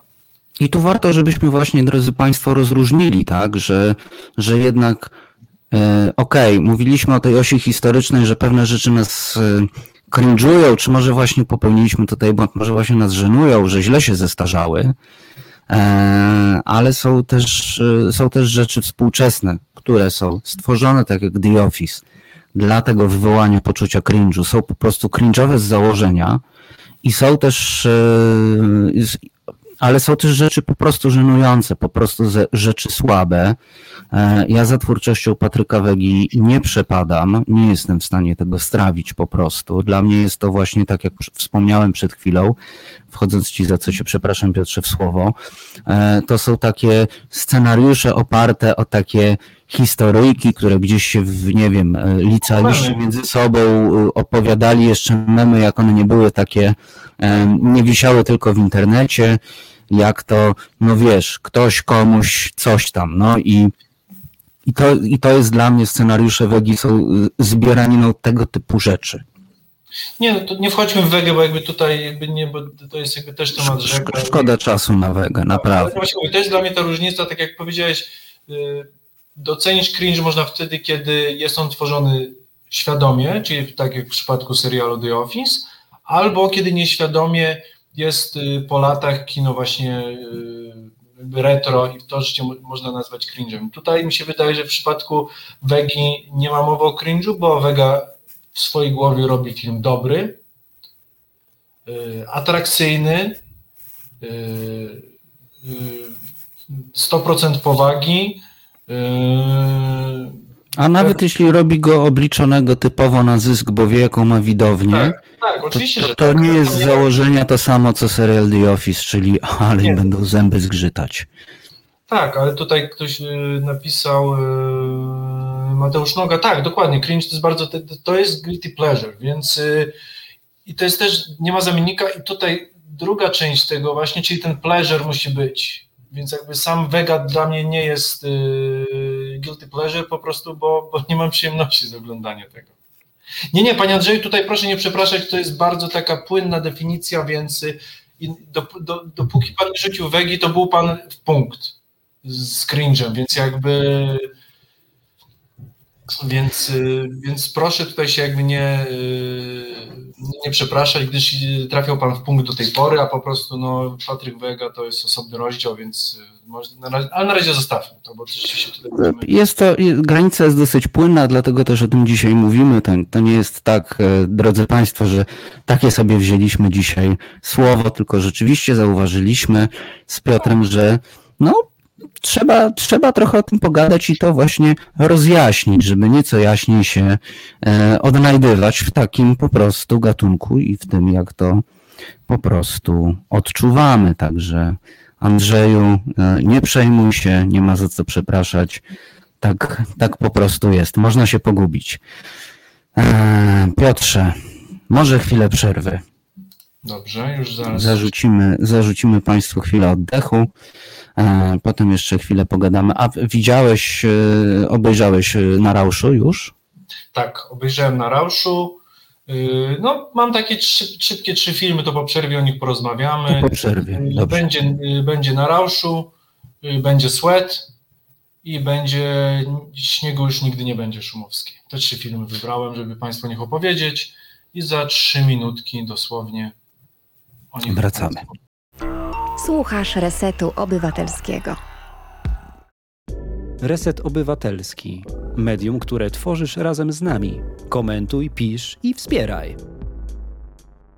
31 odcinek nieco jaśniej na kanale Resetu Obywatelskiego. Naszym gościem jest dzisiaj Piotr Kurczewski. Próbujemy rozwikłać zagadkę cringe'u. Czym on jest? Myślę, że całkiem nieźle nam się udało, aczkolwiek cringe się zrobił trochę płynny w swojej definicji, bo okazuje się, że tutaj weszło jeszcze guilty pleasure, i Maruda, Maruda na naszym czacie e, pisze, że oglądanie filmów Patryka Wegi jednak też może w takim razie być takim guilty pleasure, czyli trochę cringe'em też może być. Nie, jak najbardziej. Oczywiście tutaj jakby y, tak jak y, w każdym zobcowaniu ze sztuką i, i jakby no też jakby te pojęcia są płynne, więc to co dla kogoś jest y, kiczem, kampem, cringe'em, tutaj jakby te, te, te pojęcia są tak samo płynne, więc jakby tutaj ja oczywiście mówię ze swojej perspektywy, tak, ja nie mówię, że Wege nie, Patryk Wega filmy nie mogą być cringe'em. Oczywiście dla kogoś mogą być, dla mnie osobiście nie są. Yy, bo mają cechy jakby no znamiona in, innego, innego rodzaju filmu po prostu, czy inne emocje we mnie budzą, ale oczywiście dla kogoś mogą być cringe'em, yy, dla kogoś cringe'em może być oglądanie opery, yy, gdzie stukilowy Włoch śpiewa coś po niemiecku i pół godziny umiera na scenie, jakby no to też może być cringe, tak? Yy, oglądanie wiadomości TVP może być cringe'em. Yy, tak jak mówiliśmy, oglądanie wypowiedzi niektórych polityków naszych jak najbardziej może być cringe'owe, kiedy tak naprawdę mówią przez pięć minut, nie wypowiadając jednego zdania, jednego słowa z sensem po prostu, więc No, do polityków jeszcze się Piotrze odwołamy a propos pewnych granic, ale to taka wrzutka na koniec, a obiecaliśmy Państwu, że e, będą polecajki filmowe e, i, i co, co, co takiego mamy, bo mamy na Rauszu i jeszcze dwa tytuły. tak, mamy na Rauszu, y, mamy Sweat Magnusa von Horna i mamy Śniegu już nigdy nie będzie Magdaleny Szumowskiej. Y, zacząłbym od Sweat, Okej, Eee, Film wszedł w zeszłym tygodniu w piątek do kin. Magnus von Horn jest szwedzkim reżyserem, który skończył łódzką filmówkę. Jest to bardzo ciekawy młody reżyser, który jakby kręci filmy w Polsce, też teraz nakręcił film jakby, jakby w Polsce, albo realizuje filmy, które dzieją się za granicą, ale jakby yy, realizuje je jakby z budżetu jakby po, po, po polskiego. I to jest ciekawe, bo to są polskie realia, patrzone, na które patrzymy z perspektywy człowieka, na którym Polakiem nie jest. I to jakby ten dystans, który on jakby który tworzy między nami a, a tym, co kręci, też jest, jest, jest, jest bardzo ciekawy. Yy, w każdym razie wcześniej mieliśmy film Intrus, który jednak dział się w Szwecji. Tutaj już mamy mm, w filmie Sweat, mamy akcja dzieje się w Polsce, są polscy aktorzy, akcja całkowicie dzieje się, się w Warszawie i w Łodzi. Mm, jest to, jest to historia polskiej, y, jest bardzo popularnej influencerki Sylwii Zając, która grana jest przez rewelacyjną Magdalenę Koleśnik, która naprawdę w tym filmie y, no, dała czadu po prostu. Jakby, to jest jakby film tak naprawdę jednego aktora, tak w dobrym sensie. Skupia się całkowicie na tej jednej postaci. Jest to przez cały film podążamy za, za Magdaleną Koleśnik, która trochę pokazuje nam świat Instagramerów, świat fitness, świat jakby Instagrama, TikToka, co dla wielu z nas dalej jest jakby czarną magią.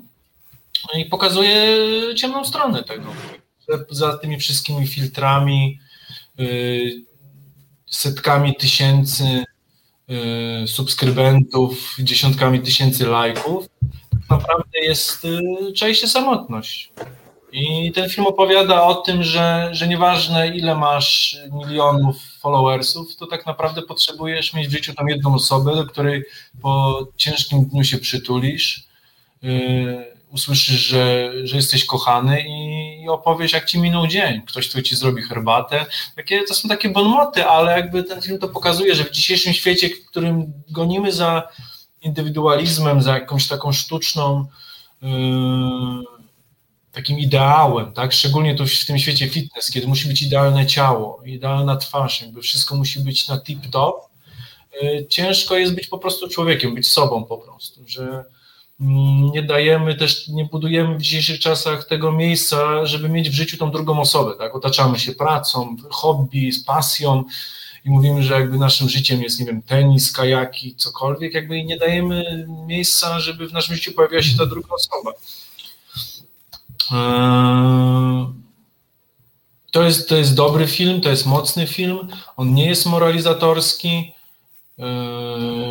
Też jest y, dużo takich drugoplanowych ról. Aleksandra Konieczna, która gra matkę głównej bohaterki, jest świetną rolą, też pokazuje też taką skomplikowaną relację, trochę toksyczną, takiego pełną niezrozumienia, jednak miłości, ale takiej szorstkiej właśnie. Eee, gra też Zbigniew Zamachowski, rolę ojczyma Y, drobna rola, ale też jakby bardzo dobrze zagrana, więc tutaj jakby bardzo ten film polecam. Nie jest może jakiś bardzo odkrywczy, bo to jest prosta historia, ale może w tym się właśnie broni, że, że tutaj jakby y, podążamy za takimi prostymi emocjami głównej bohaterki, która po prostu chce być kochana y, to, co z każdy z nas, jakby z tym się coś może utożsamić, bo każdy z nas tak naprawdę chce, chce, chce być kochany, chce być akceptowany, chce być szczęśliwy. Yy, więc to jest film, który ja bardzo Państwu polecam. Yy, chyba tak. No to a propos tego braku moralizowania, chyba warto też opowiedzieć troszeczkę o Rauszu. Oj tak. Yy, bo jest to film, który nie moralizuje, a cała fabuła jest dosyć ciekawa. Cała fabuła jest, to, jest ciekawa, ale jest też prosta.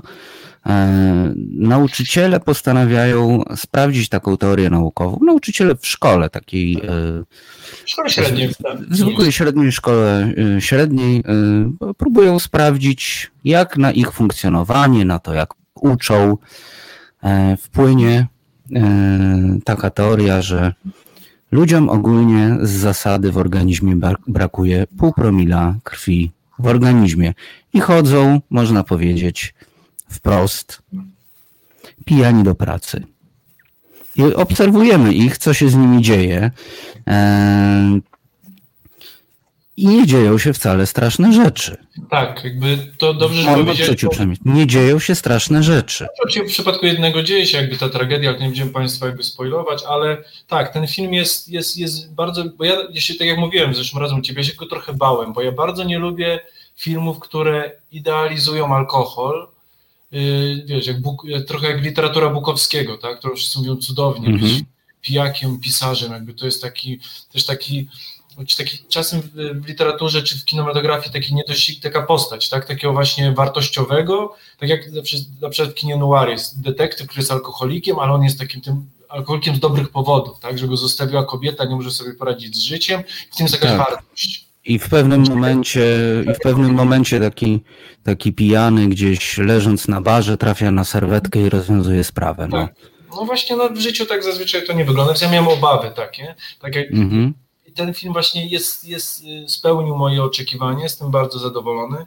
Gdyż właśnie ten film, po, oczywiście poza, poza, poza tym, że mówi, że jakby no jednak mimo wszystko ten eksperyment wymyka się spod kontroli i, i, i wiele z tych, i, przynajmniej w jednym przypadku jakby no efekt jest wyjątkowo negatywny, w dwóch tak jest dyskusyjny, ale też on pokazuje, że jakby że my jako ludzie potrzebujemy tej drogi ucieczki, tego właśnie takiego y, w dobrym sensie y, tego opium dla mas, które jakby y, ja też właśnie lubię używać tego przykładu, bo właśnie wszyscy używają tego, tego, tego mm, znanych słów właśnie Lenina, że religia jest opium dla mas, tylko Lenin to mówił w tym pozytywnym sensie, że świat jest pełen zła i cierpienia i czasem to opium jest potrzebne. Ta, ta taka ta ucieczka w coś, y, co bo,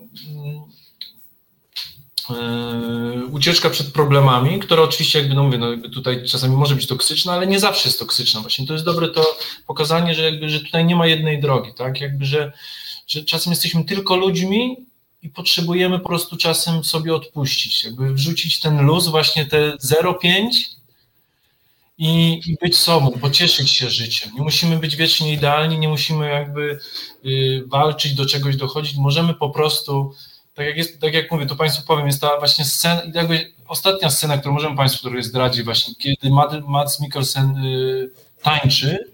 Czy, Wreszcie tańczy. Właśnie on, on, był zawodowym tancerzem w młodości, ja tego nie wiedziałem, właśnie to widać. Y, I on po prostu tańczy i się tak właśnie jest, jest w tym jest szczęśliwy właśnie, w tym takim tańcu, w tym takim jakby w takim derwiszowym, takim właśnie y, kręceniu się w koło po prostu i nie wiemy jak się, czy on właśnie, czy on upadnie, czy wstanie, czy wszystko będzie w porządku, czy jednak jakoś, gdzie on wyląduje, tak? I ten film też, wartą. To jest też ważne, co mówisz, bo e, po wyjściu z kina, po, e, po seansie, pomyślałem sobie, że e, z jednej strony alkohol absolutnie nie jest tam idealizowany, bo skutek pewnych wybryków jest tam pokazywany w sposób bardzo oczywisty. Tak, tak się z człowiekiem no, alkoholu dzieje.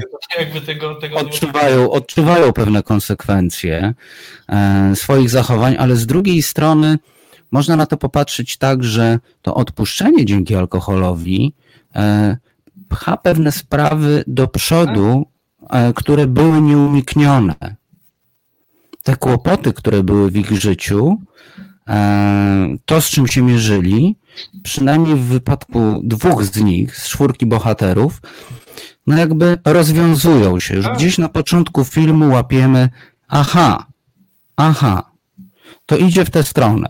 Z jakiegoś powodu jakby sytuacja się nie rozwija, oni trwają w takim zawieszeniu. jednego nawet alkohol jakby pomaga mu jakby stanąć, jakby rozwiązać swoje problemy. Właśnie dzięki alkoholowi zdobywa tą odwagę, przekracza tą barierę i pozwala mu to w życiu jakby iść dalej w lepszym kierunku. Także jak najbardziej. To jest, to jest właśnie dobre w tym filmie, że on pokazuje, że alkohol może być zagrożeniem, ale też może tak, może być pomocą w jakimś w ograniczeniu swoich słabości. Wiesz, alkohol tutaj traktuje trochę bardziej metaforycznie, tak, w sensie, że no, alkohol tak. był jakby takim najprostszym mechanizmem odpuszczenia sobie dla tych ludzi, no bo trudno jest w inny sposób, e, trudno było im w inny sposób znaleźć jakiś e, pomysł na to, żeby po prostu odpuścić.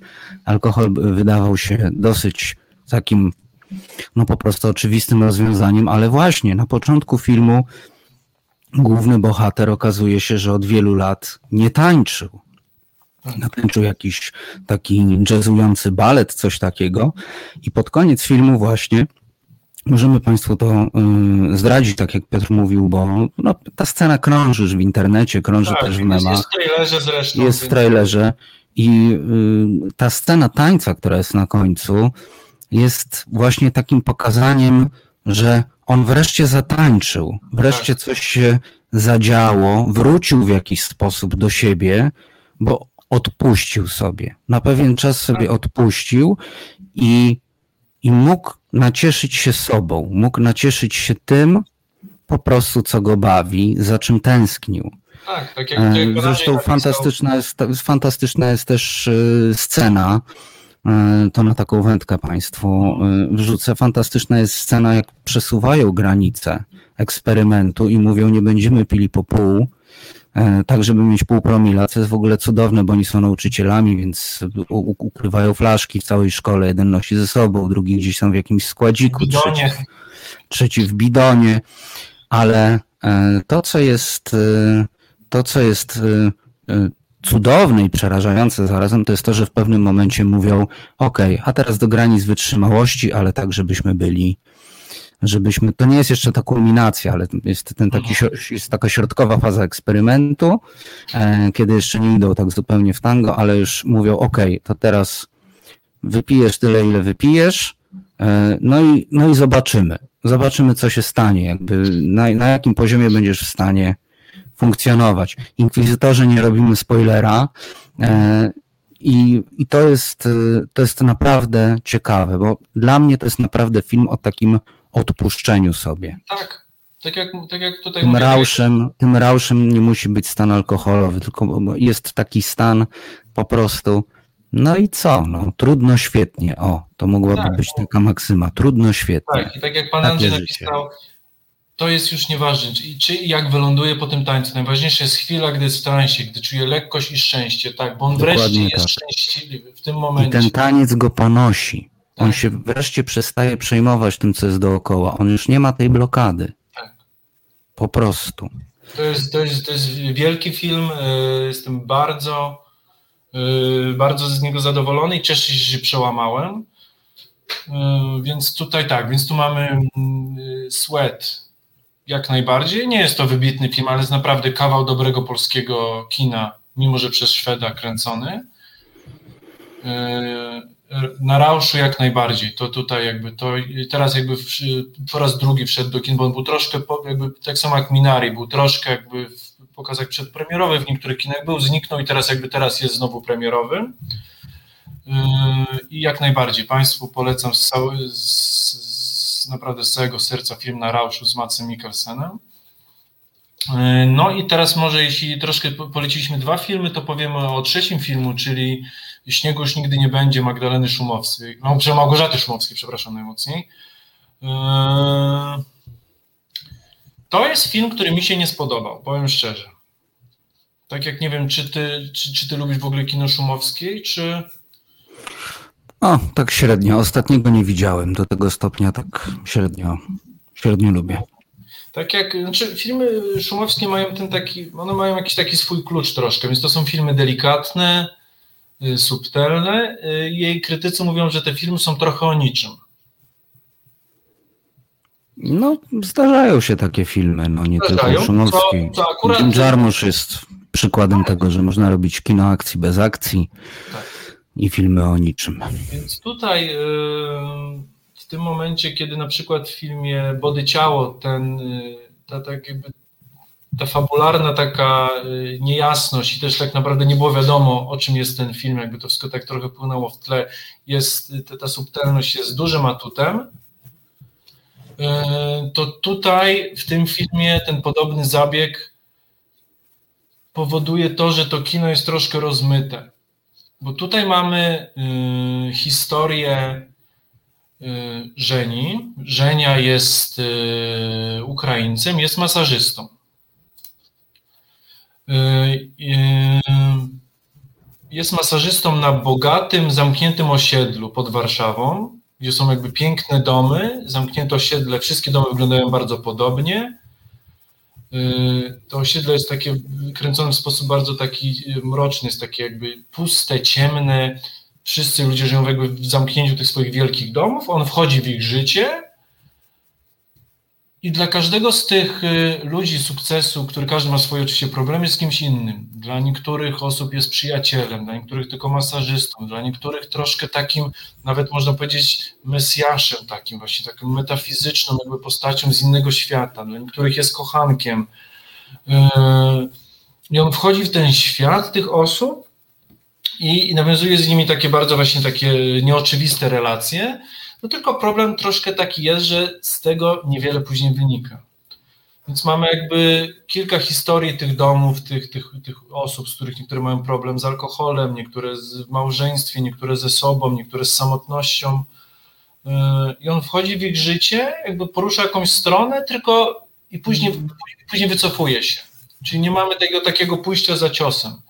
I w pewnym momencie wychodzi, w, w połowie filmu mamy zaczęte kilka wątków, i żaden nie jest zakończony, czyli jakby tak mamy pokazanie, z, y, pokazanie jakby namalowanie płótna i w połowie historii już trochę odpuszczamy, także y, w tym momencie właśnie te niedomówienie takie, nie, jakby nie pójście za ciosem, tylko zostawienie czegoś niedomówionego i takiego otwartego, no tutaj troszkę traci, bo yy, tak jak Maja Ostaszewska i Agata Kulesza są świetne w tym filmie, Yy, Alek Udgow, który gra właśnie Żenię, też jest naprawdę jakby, jest, tutaj jest, jest rewelacyjny. Tak na przykład Weronika Rosati czy Katarzyna Figura troszkę się jak na mnie nie sprawdzają, szczególnie Weronika Rosati wypada po prostu troszkę blado.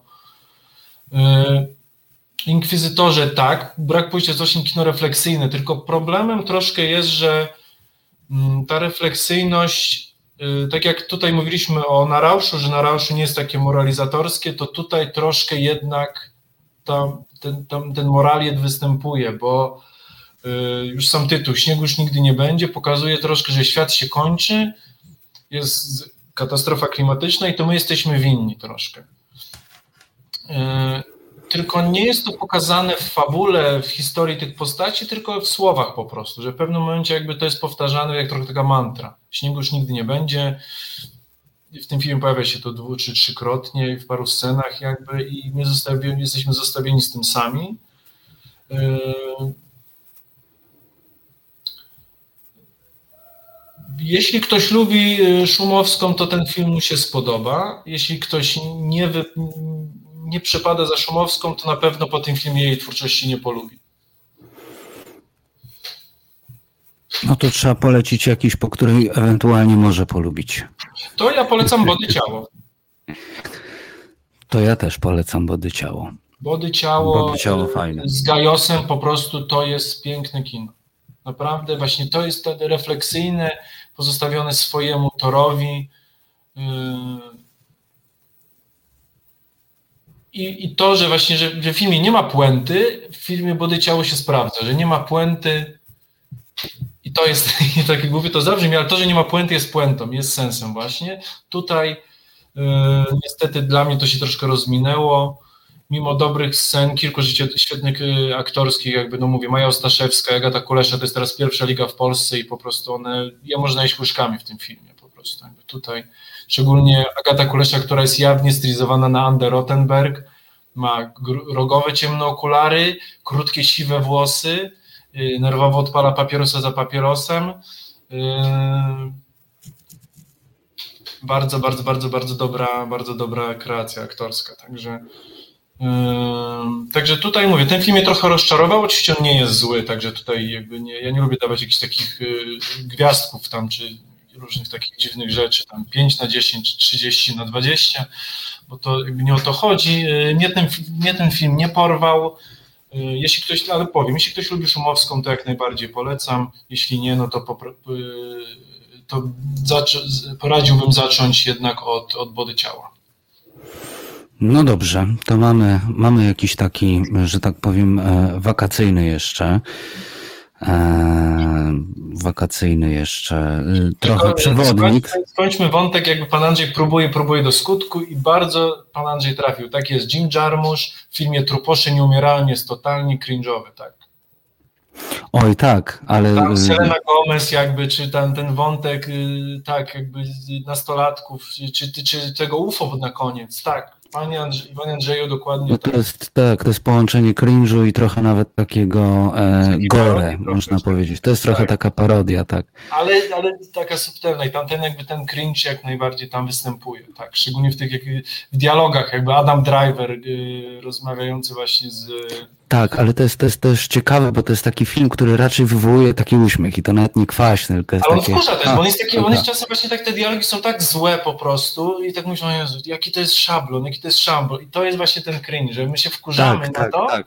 Ta, na tą żenadę, yy, no mówię, no, no Adam, bardzo tak, świadomie. Pan Andrzej dobrze mówi, tam dla mnie szczególnie, bo film może nie jest cał cringe'owy, ale postać Adama Drivera, który po prostu rzuca te bonmoty, jest taki rozlazły, i, i jakby tak, Adam Driver tam jest cringe'owy, bo on wkurza, a mimo tego ogląda się go dalej. Także tak, panie Andrzeju, tym razem w punkt.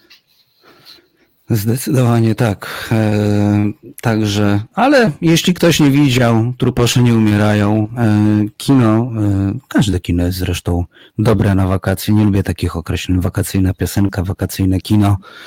E, to nie wino, że czerwonego się w lato nie pije. To też oczywiście się ze stereotypu, drodzy Państwo, e, śmieje. Piotrze, no trochę, pokry... trochę tak, no zakończyliśmy to yy, nasze, że tak powiem, kinowe, cringe'owe posiedzenie, ale obiecaliśmy jeszcze Państwu i myślę, że już nie będziemy tutaj robić przerwy. Yy, obiecaliśmy Państwu, że trochę też powiemy o takich ogólnie granicach takiego poczucia zażenowania w rzeczywistości, bo to kino może być też e, takim jakimś odpryskiem rzeczywistości, jakimś wynikiem tego wszystkiego. I rozmawialiśmy też z Piotrem przed, e, przed programem, rozmawialiśmy Piotrze o tym, że no, przesunęły się pewne granice, no, można powiedzieć, dobrego smaku przyzwoitości w rzeczywistości naszej, szczególnie jeśli chodzi o, o poczynania polityków. Tutaj się pojawiły oczywiście dwa, nawet trzy nazwiska. To jest oczywiście e, pan poseł Czarnecki, który musi oddawać pieniądze, e, a to jest tylko jedna z ostatnich akcji, ale to jest też, i to było bardzo cringe'owe, to jest bardzo cringe'owe, czyli przed meczem ze Szwecją wpis Krystyny Pawłowicz a propos, a propos oddania mm, przez Szwedów mienia zagrabionego tak, podczas ale... szwedzkiego potopu. I my się z tego śmiejemy, ale to jest też to, co pani, e, pani Jola M. pisała na samym początku naszego spotkania, czyli pewne rzeczy zaczynają się rozmydlać. Nie wiem, czy tu się, Piotrze, ze mną zgodzisz, może wreszcie się e, pokłócimy, ale z jednej strony traktujemy te rzeczy ze śmiechem, z drugiej strony e, jak się spojrzy na listę wszystkich wybryków, czy pani sędzi Pawłowicz, z Trybunału Konstytucyjnego obecnie. Tak się ta instytucja podobno jeszcze nazywa, czy też e, właśnie wybryki pana europosła, no to, no to to jest, skala problemu jest przerażająca i to już po prostu po nas spływa. To tak. po prostu po nas spływa. Tu niestety z Tobą się zgodzę, bo tak jak y, dobrze zauważyłeś, zaczynaliśmy rozmowę o, o cringe'u i szukaliśmy tego w kulturze, jakby na co dzień. To, I przyszliśmy zapytać, dobrze, a właśnie cringe w polityce. I zrobiliśmy tą listę. I oczywiście, no, no mówię, pan, pan Czarnecki tutaj był na pierwszym, jakby u nas jakby obu był na tej liście właśnie tego polskiego cringe'u. Tylko jeśli zastanowisz się nad tym właśnie tak jakby, na, y, wiesz, że tak powiem y, lekkim okiem, to życie to jest cringe'owe, tak? Ale jeśli zastanowisz się nad tym na poważnie, no to jest człowiek, który, yy, który kradł pieniądze, który oszukiwał, yy, który yy, używał języka nienawiści.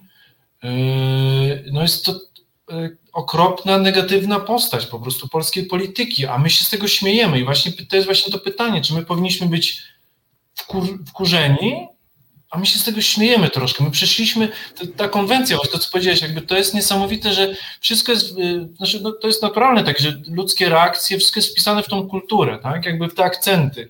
I to jaki, jak, jak wszystko jest bardzo płynne i w różnym czasie różne akcenty się układają. I coś, co teoretycznie na papierze, dobrze powiedziałeś, powinno wywoływać złość, yy, frustrację, wstyd, u nas wywołuje już tylko śmiech. No tak, no bo to jest, to jest kolejna rzecz, e, gdzie czytasz, e, odpalasz rano, e, nie wiem, wiadomości, pojawia ci się push w telefonie z gazety, którą czytasz i czytasz. Po, złapali Czarneckiego na tym, że E,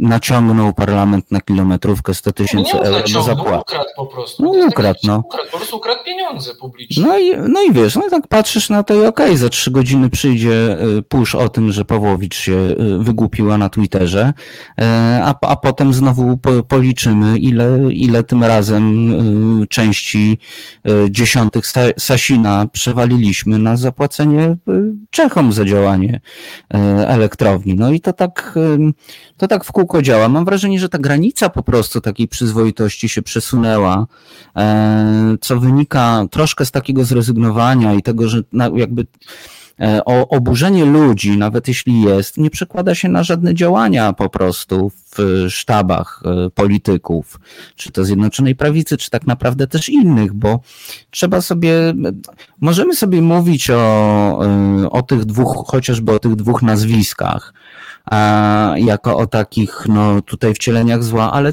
to nie są ludzie, którzy odstają. Zakładam, że 60, a może i 80% po prostu polskiej polityki już tak wygląda. Myślę, że po prostu w tym taplamy już od tak dawna, e, że już przestaliśmy to zauważać. Wiesz, to jest też, myślę, taki element, nie wiem, czy Państwo się zgodzą, więc liczę na komentarze, ale mam wrażenie, że po prostu populizm ma tu swój bardzo duży udział. Myśmy się przyzwyczaili, wyborcy, e, odbiorcy wiadomości, przyzwyczaili się, że większość ludzi, to akurat Czarnecki jest świetnym tego przykładem, e, że to są ludzie, którzy zawsze są w tym miejscu, gdzie jest dla nich wygodnie. I to nawet rozumiane w takim sensie dosłownym, gdzie po prostu będą mieli zyski.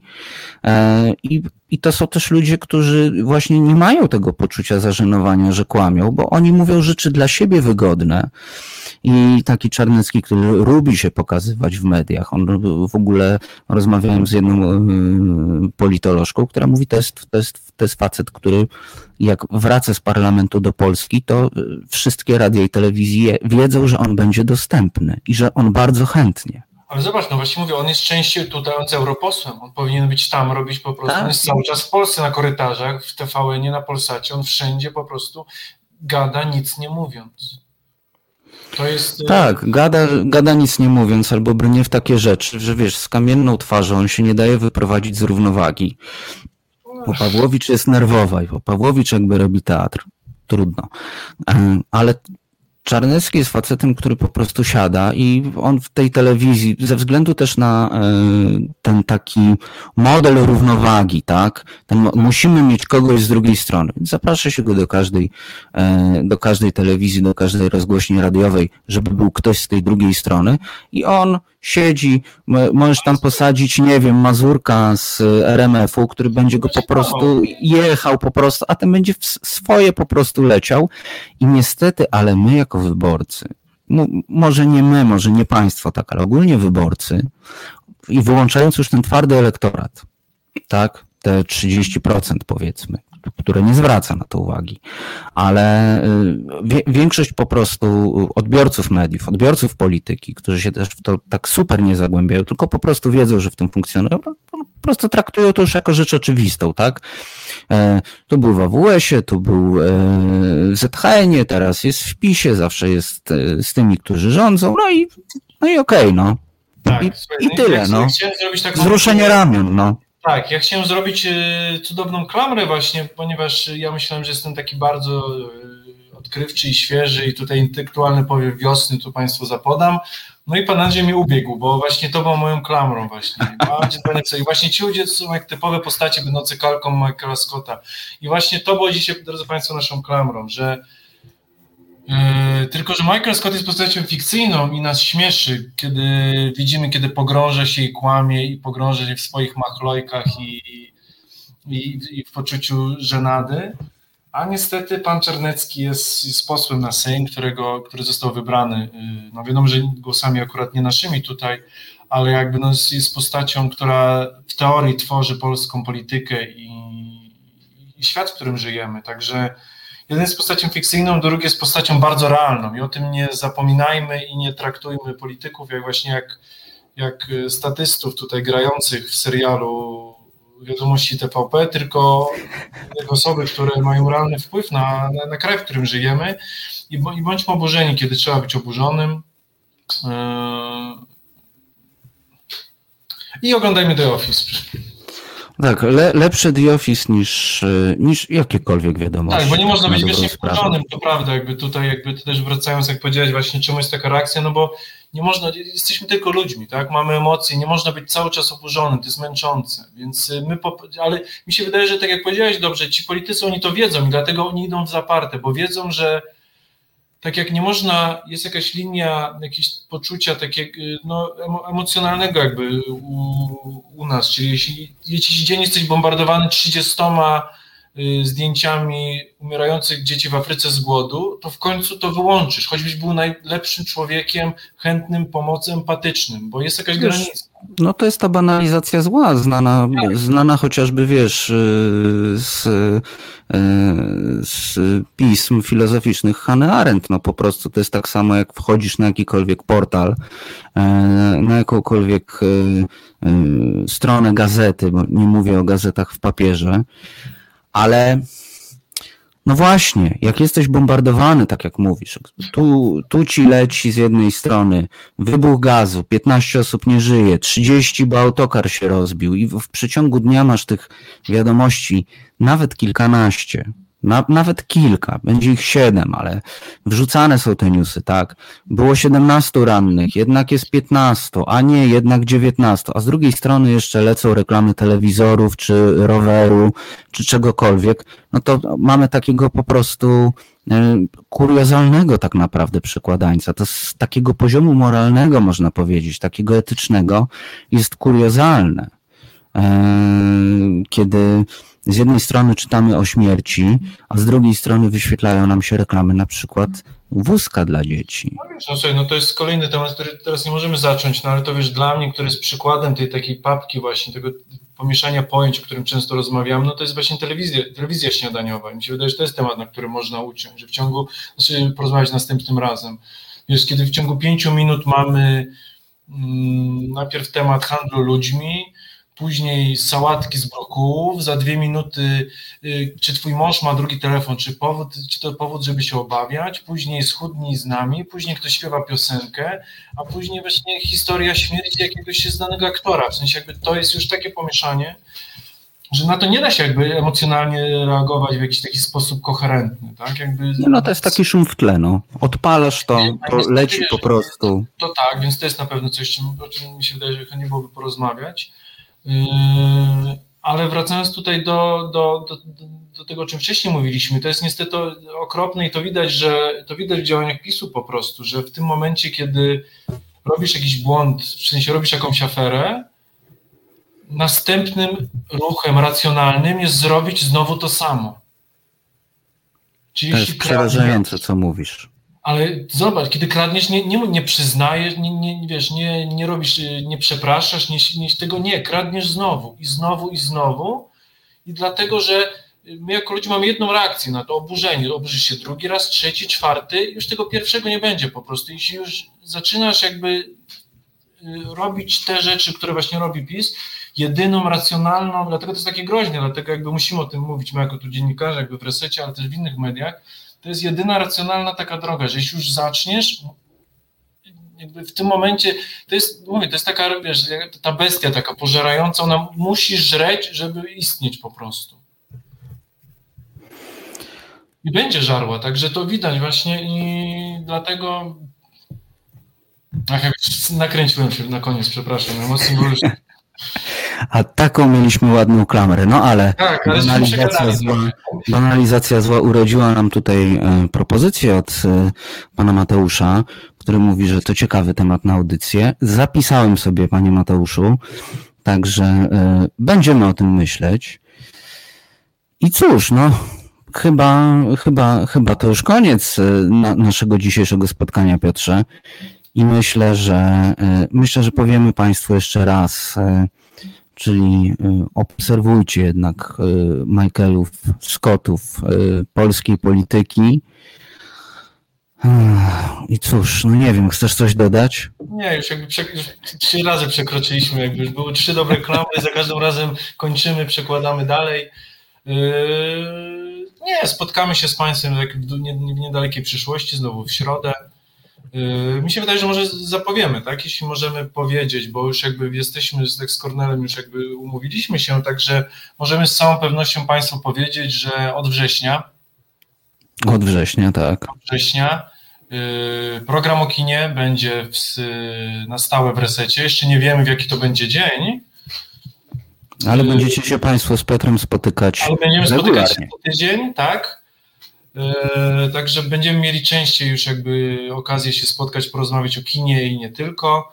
E, państwo rzucę e, pomysł na, na tytuł, może Państwo piszcie, czy, bo na razie mam taki pomysł mi się w głowie po, po, zarodził, Państwo napiszcie, czy Wam się podoba.